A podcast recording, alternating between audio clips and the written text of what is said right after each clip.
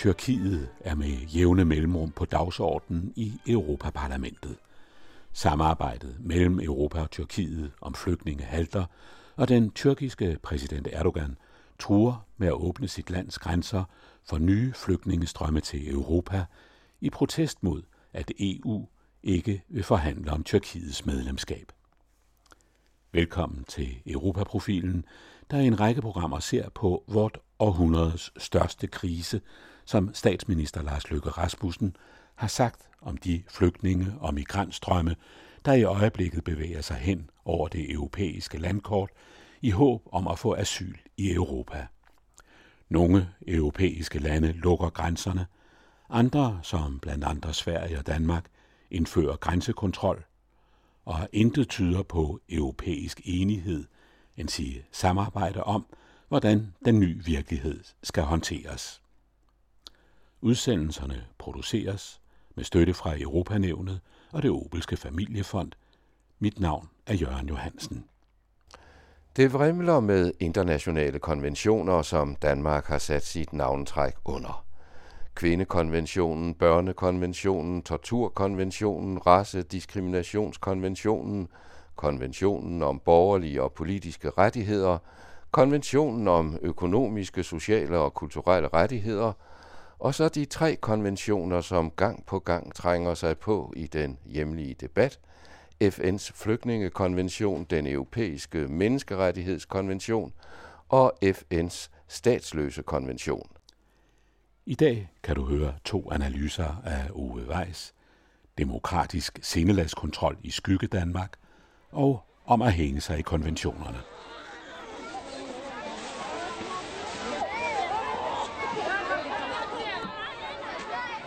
Nu til demokratisk sindelagskontrol i skygge Danmark. Integrationsministeriet har i år udvidet den årlige medborgerundersøgelse af nydanskernes og etniske danskers holdning til blandt andet ligebehandling og selvbestemmelse med spørgsmål om synet på demokrati, frihedsrettigheder og danske værdier. Spørgeskemaundersøgelsen viser ingen større forskel på de to gruppers positive holdning til det repræsentative demokrati. Til gengæld føler kun hver femte nydansker sig som danskere, mens knap halvdelen ser sig som danskere med indvandrerbaggrund. Omtrent samtidig med medborgerundersøgelsen udkom bogen Nydansk, skrevet af økonomen Jan von Cernikov Borberg med en fortid i Udlændingestyrelsen. Ove Weiss på demokratiets festdag den 5. juni i år kundgjorde integrationsminister Inger Støjberg, at hun ville udvide ministeriets årlige medborgerundersøgelse med en række nye spørgsmål. Siden 2012 har Ankestyrelsen og Danmarks Statistik hvert år foretaget en spørgeskemaundersøgelse blandt nydanskere, indvandrere og flygtninge, som har boet i Danmark i mindst tre år, og blandt personer med dansk oprindelse i alderen 18 år derover, altså en sammenlignende analyse. Som beskrevet i medborgerskabsundersøgelsen er formålet citat at beskrive holdninger til og oplevelser af medborgerskab, ligebehandling, diskrimination og selvbestemmelse i Danmark. Disse emner ønskede ministeren suppleret med synen på demokrati, frihedsrettigheder og det som blandt andet den liberale Bertel Hårders statsautoriserede kulturkanon søger at sammenfatte som danske værdier. For som Inger Støjberg sagde under grundlovsdagens lyse bøgekroner, det er helt tydeligt, at der i nogle miljøer foregår ting, som er direkte antidemokratiske. Derfor vil vi gerne have set nærmere på især de unge indvandrere syn på demokratiet og frihedsrettighederne. Budskabet fik tilslutning fra den konservative leder Søren Pape Poulsen, som talte om skygge Danmark med social kontrol og imamer, der styrer retspolitikken i stedet for politi og retsvæsen. Den radikale enfant terrible Senia Stampe kunne, som hun sagde, godt leve med den udvidede undersøgelse, blot den ikke udartede til sindelagskontrol af bestemte befolkningsgrupper. Det er fint at få at vide, hvad der er op og ned, sagde hun, og det mente medierne også. De fleste bragte et Ritzau-telegram om undersøgelsen. Det er næppe forkert, som det hedder på Christiansborgsk, at indfortolke forventningens glæde i Inger Støjbergs ord. I så fald er hun, og måske også flere aviser, blevet noget skuffet, når det gælder resultatet af undersøgelsens demokratidel, som kun Dagbladet Information og Jyllandsposten bragte tal fra.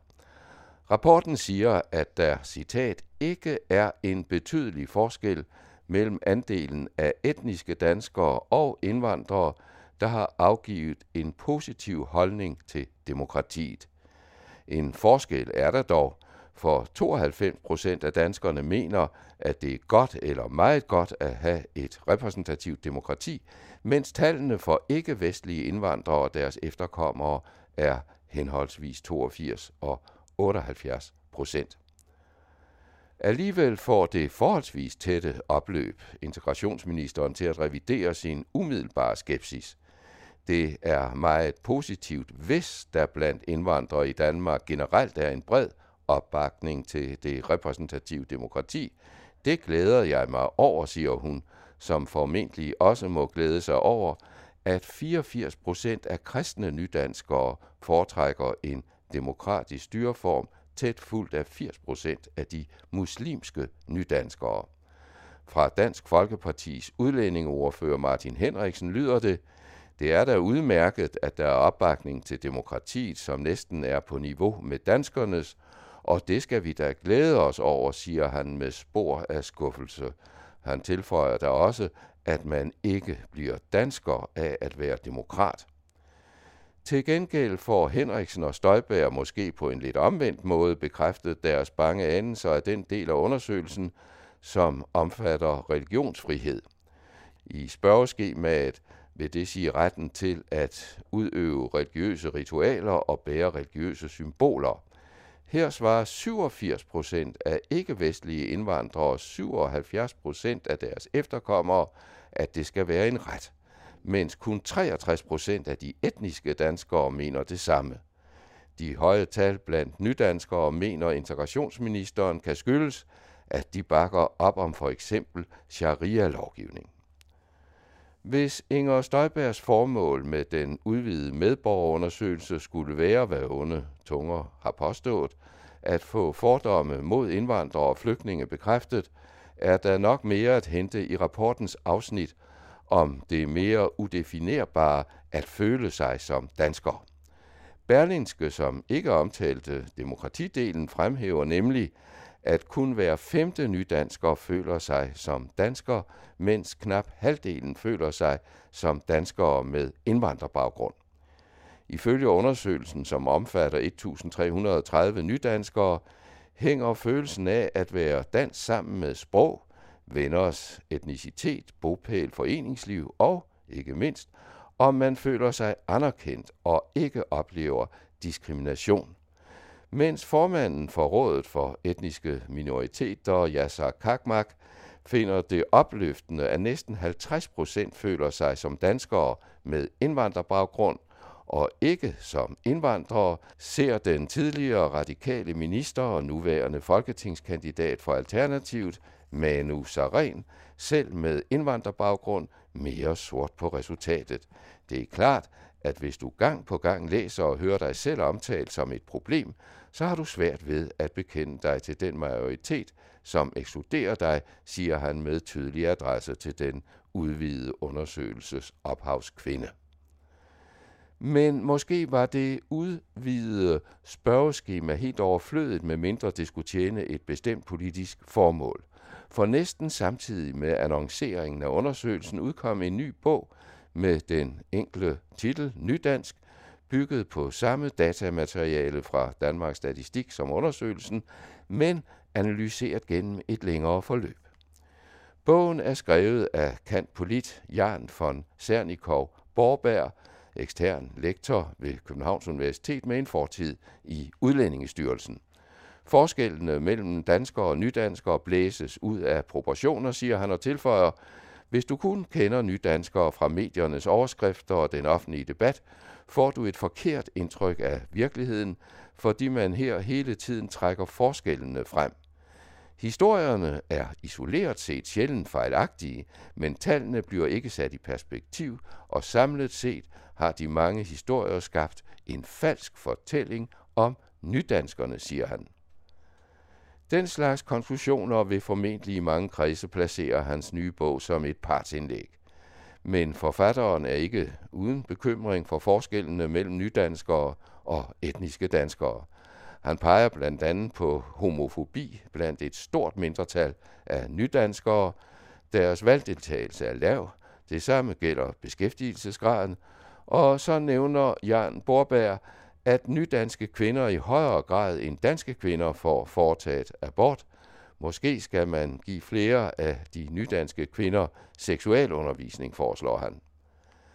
Men ellers punkterer bogen en række myter og fordomme. Det fremgår, at 33 procent af nydanske 20-24-årige er i gang med en videregående uddannelse, mens procenten for deres jævnaldrende danske kammerater er 36 procent, altså kun 3 procentpoint højere. 87 procent af nydanske forældre deltager i forældremødet. Det er blot 1 procent mindre end for danske forældre.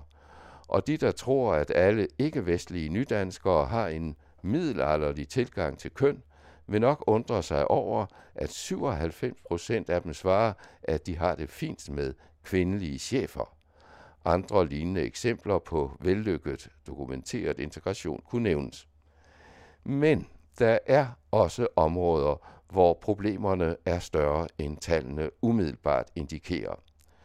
83 procent af danske 16-64-årige er ikke på overførselsindkomst, mens tallet for nydanskere er 71, altså en negativ forskel for nydanskere på 12 procentpoint.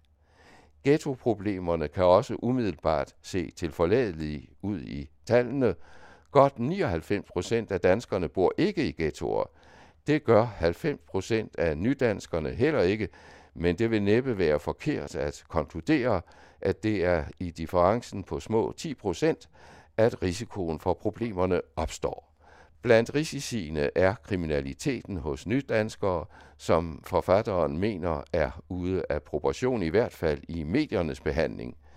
Det søger han at underbygge med disse to tal. 97,3 procent af nydanskerne og 99,1 procent af danskerne har ikke begået kriminalitet. Ingen nævner, at kun 2,7 procent af nydanskerne er kriminelle, noterer Borberg og spørger, hvor stor er egentlig forskellen mellem os? Til det er svaret, at forskellene ofte ligger i detaljen. I dette tilfælde mellem nydanskernes 2,7 procent og danskernes 0,9 procent i kriminalstatistikken en ganske stor og bekymrende forskel.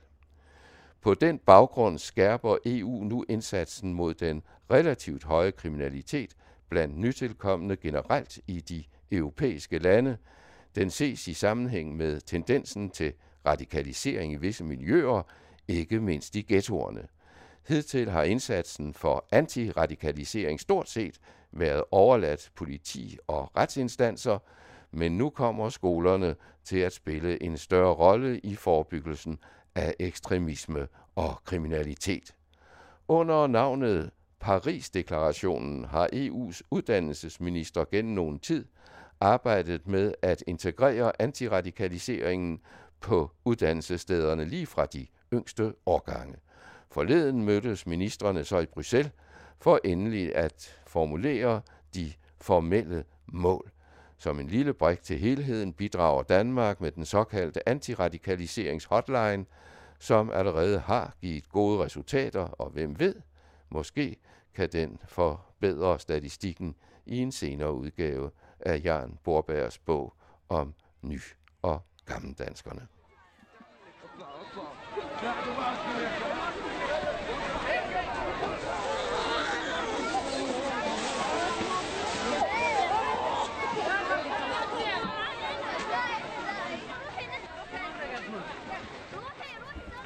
Internationale flygtningekonventioner og medlemskabet af blandt andet EU og Europarådet sætter naturlige grænser for Danmarks asylpolitik og gør flere af Folketingets udlændingestramninger symbolske.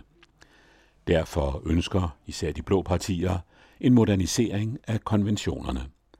Dansk Folkeparti kræver direkte opsigelse af flere internationale aftaler.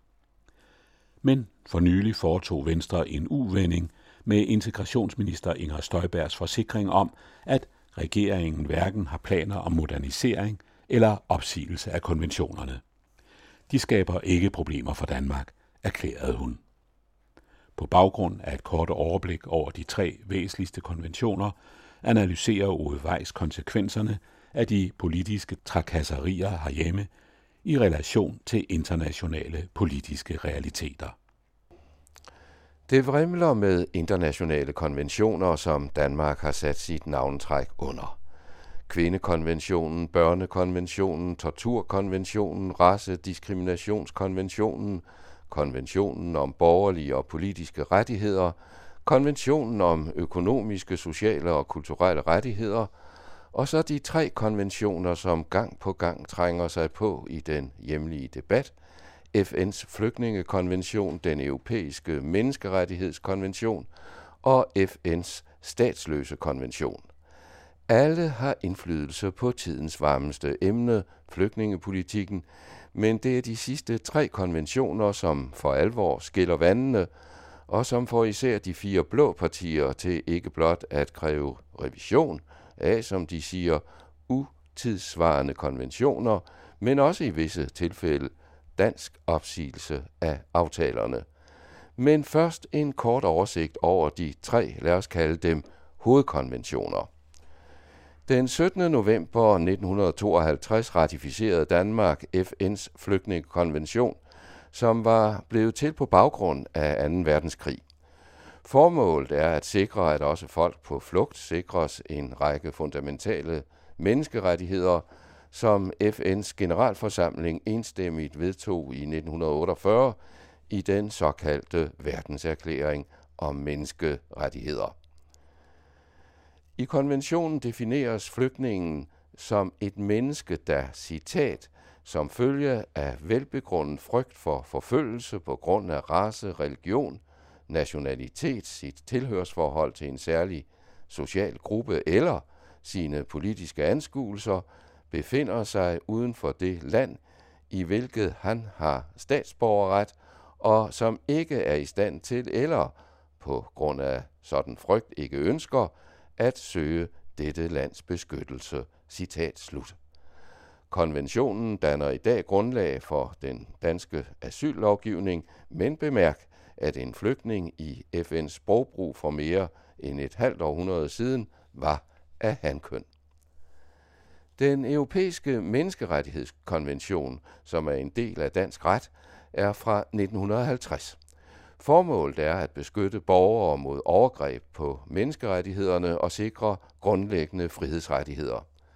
Blandt rettighederne er, citat, forbud mod tortur, forbud mod slaveri og tvangsarbejde, ret til frihed og sikkerhed, ret til retfærdig rettergang, ingen straf uden hjemmel, ret til respekt for privatliv og familieliv, ret til at tænke frit og til samvittigheds- og religionsfrihed, ytringsfrihed, forsamlings- og foreningsfrihed, ret til at indgå ægteskab og adgang til effektive retsmidler. Citat slut.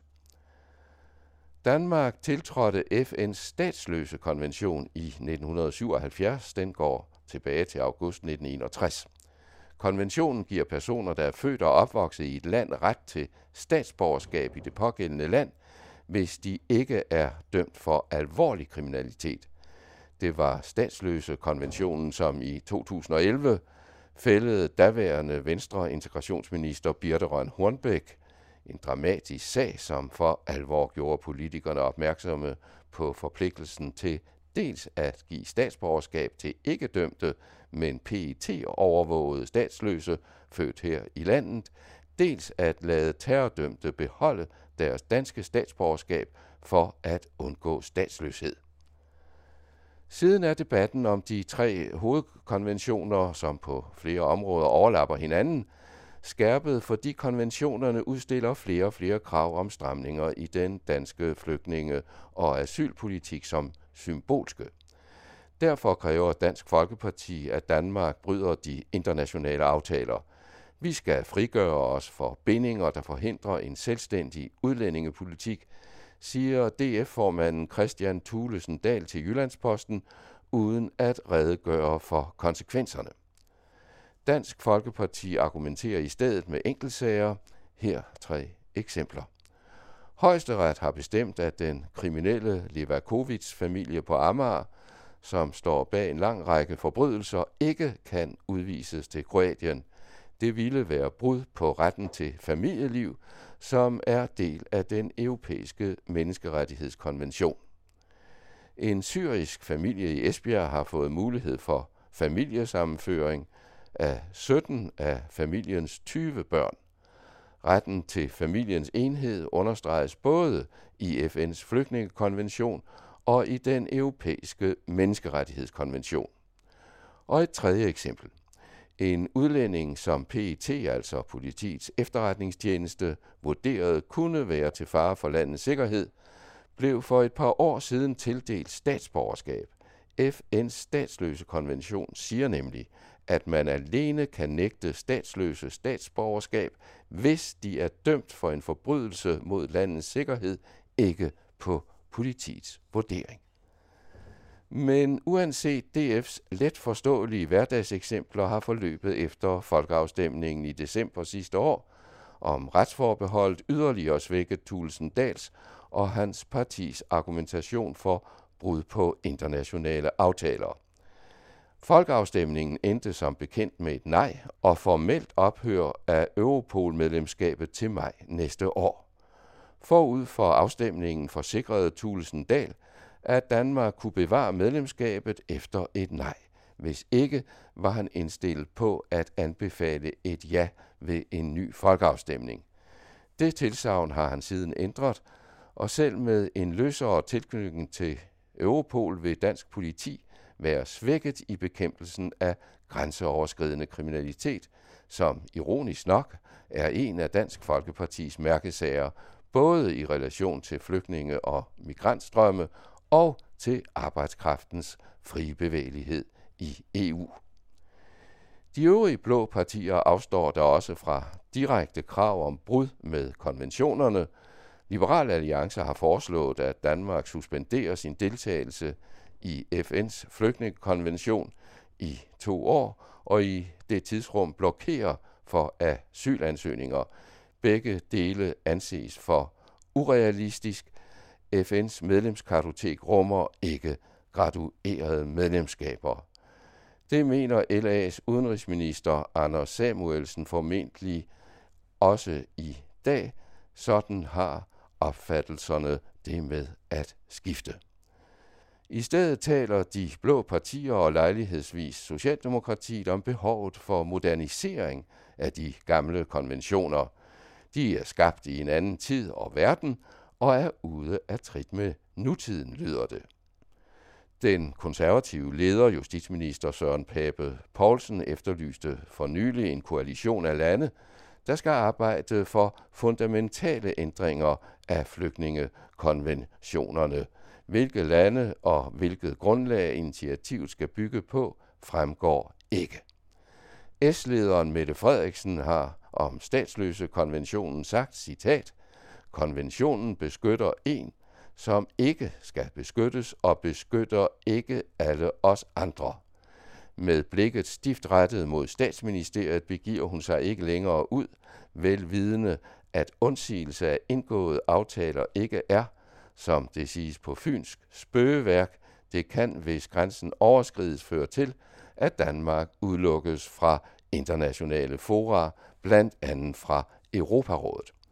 Ikke desto mindre gik Venstres integrationsminister Inger Støjberg i januar i år meget vidt, da hun under en folketingsdebat sagde, at internationale konventioner ikke er og ikke skal være uforanderlige. Og så tilføjede hun ordret, spillerummet inden for de forskellige internationale konventioner skal udforskes og om nødvendigt udfordres. Integrationsministerens sproglige udfoldelser året igennem har sammen med Dansk Folkepartis gentagende krav om brud på konventionerne tydeligvis bekymret statsminister Lars Løkke Rasmussen, som i sin nu hengemte helhedsplan for et stærkere Danmark skriver, citat, Regeringen ønsker at indgå i et aktivt samarbejde og overholde internationale konventioner, som Danmark har tilsluttet sig. Og i november vendte så integrationsminister Støjberg på en tallerken med forsikringen om, at regeringen hverken har planer om at modernisere, en sige opsige flygtningekonventionen, for den skaber ikke problemer for Danmark, sagde hun og tilføjede. Regeringen mener ikke, at der i forhold til flygtningekonventionen er tale om en fortolkning, der er kommet ud af trit med de oprindelige intentioner, hun sagde lige frem, at arbejdet med at sikre en bedre balance mellem beskyttelse af menneskerettighederne og muligheden for selv at bestemme, hvordan det danske samfund indrettes, skal centreres om den europæiske menneskerettighedskonvention. Det kan ikke udelukkes, at inspirationen til regeringspartiets uvending i konventionsspørgsmålet også kommer fra partiets næstformand, finansminister Christian Jensen. Som tidligere udenrigsminister er han den i Venstre og regeringen, der er længst fremme med antennerne i det internationale samfund. Her har han ikke mødt forståelse, men bekymring over konventionsdebatten i Danmark, med krav fra det største borgerlige parti om opsigelse af aftalerne – og med en ulden holdning til konventionerne blandt regeringens øvrige parlamentariske støtter. I hvert fald skriver Christian Jensen i sin nye bog med den betydningsfulde titel i Danmarks tjeneste, at han ikke ser flygtningestrømmen som en trussel mod Danmark. Til gengæld kritiserer han Dansk Folkeparti for at være et protestparti på fløjen og forudser, at det vil være umuligt for folkepartisterne at fortsætte deres, som Jensen skriver, nuværende ansvarsfrie løftepolitik. Samtidig åbner han i bogen for DF's regeringsdeltagelse, han erkender som sit partis umiddelbare kronprins, at en blå firkløverregering kan være forudsætningen for, at han som eventuelt kommende venstreleder får muligheden for at overtage regeringsmagten. Skulle man være i tvivl om, at Christian Jensen har flygtninge- og asylpolitikken i tankerne i sin kritik af Dansk Folkeparti, kan reaktionen fra DF's udlændingeordfører Martin Henriksen overbevise. Han ser hellere Inger Støjberg end Christian Jensen som Venstres kommende formand, siger han. Men en ting er politiske trakasserier herhjemme, en anden de internationale politiske realiteter. Juristen Eva Ersbøl behandler i en ny debatbog kampen om menneskerettighederne. Spørgsmålet om de forskellige udmeldinger fra danske politikere er en farbar vej at gå. Hidtil har ingen europæisk stat opsagt en menneskerettighedskonvention, bortset fra Grækenland i 1969 under militærstyret, noterer hun og fortsætter. Sidst men ikke mindst må det tages i betragtning, at samarbejdet inden for Europarådet og EU binder os på mange af de samme områder, som de internationale menneskerettighedskonventioner gør. Og i relation til den europæiske menneskeretskonvention og EU-samarbejdet opstår spørgsmålet om dansk udmeldelse næppe.